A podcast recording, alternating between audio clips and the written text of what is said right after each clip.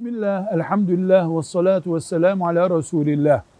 Dernek kurmuş kardeşlerimiz diyor ki biz kendimizi nerede görelim dernek yöneticileri olarak? Onlara diyoruz ki para veren Müslümanın vekilisiniz. O paraya muhtaç olanın vekilisiniz. O ülkeyi idare eden kanunların, yasaların vekilisiniz.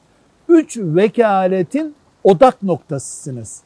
Parayı verene vekalet ediyorsun. Parayı alacak olana vekalet ediyorsun. Yasalar muhacesinde iş yaptığın için yasaların vekilisin. Üç vekaletin odak noktası olarak kendini gör.